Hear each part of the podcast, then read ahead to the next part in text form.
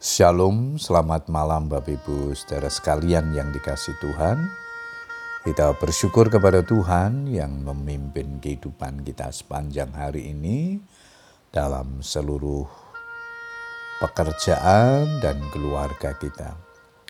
Malam hari ini kembali kita datang kepada Tuhan untuk menaikkan ucapan syukur dan doa-doa kita namun sebelumnya saya akan membagikan firman Tuhan yang malam ini diberikan tema penghukuman kekal. Ayat mas kita di dalam 2 Tesalonika 1 ayat yang ke-9 firman Tuhan berkata demikian. Mereka ini akan menjalani hukuman kebinasaan selama-lamanya, dijauhkan dari hadirat Tuhan, dan dari kemuliaan kekuatannya. Bapak Ibu saudara sekalian, pada hari kedatangan Kristus yang kedua, kelak setiap manusia akan dihadapkan pada pengadilan seperti yang tertulis dalam 2 Korintus 5 ayat yang ke-10 sebab kita semua harus menghadap tahta pengadilan Kristus supaya setiap orang memperoleh apa yang patut diterimanya sesuai yang dilakukannya dalam hidupnya ini, baik ataupun jahat. Setiap kejahatan akan mendapatkan balasan. Begitu pula setiap kebaikan serta ketaatan kepada Injil Kristus akan memperoleh upahnya Sebab memang adil bagi Allah untuk membalaskan penindasan kepada mereka yang menindas kamu, dan untuk memberikan kelegaan kepada kamu yang ditindas, dan juga kepada kami. Pada waktu Tuhan Yesus dari dalam surga menyatakan dirinya bersama-sama dengan malaikat-malaikatnya dalam kuasanya, di dalam api yang bernyala-nyala, dan mengadakan pembalasan terhadap mereka yang tidak mau mengenal Allah dan tidak mentaati Injil Yesus Tuhan kita. Mereka ini akan menjalani hukuman kebinasaan selama-lamanya, dijauhkan dari hadirat Tuhan dan dari kemuliaan kekuatannya.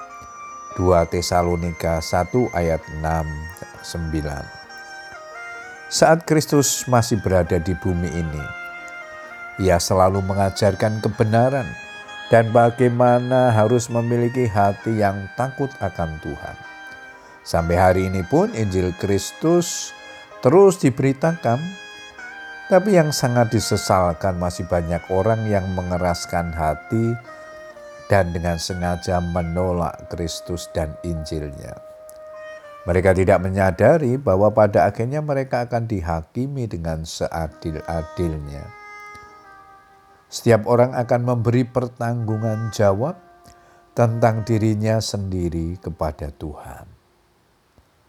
Orang-orang mati dihakimi menurut perbuatan mereka berdasarkan apa yang ada tertulis di dalam kitab-kitab itu. Maka laut menyerahkan orang-orang mati yang ada di dalamnya, dan maut dan kerajaan maut menyerahkan orang-orang mati yang ada di dalamnya. Dan mereka dihakimi masing-masing menurut perbuatannya.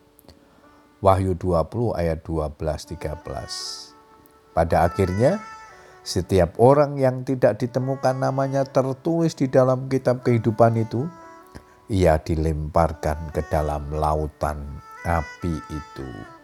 Wahyu 20 ayat 15. Ia yang memberi kesaksian tentang semuanya ini berfirman, "Ya, aku datang segera." Amin. Datanglah Tuhan Yesus. Puji Tuhan Bapak Ibu Saudara sekalian, biarlah kebenaran firman Tuhan yang kita baca dan renungkan ini menolong kita untuk terus hidup waspada dan berjaga-jaga hidup dalam kebenaran dan takut akan Tuhan, mengingat hari kedatangannya yang kedua kali yang semakin mendekat.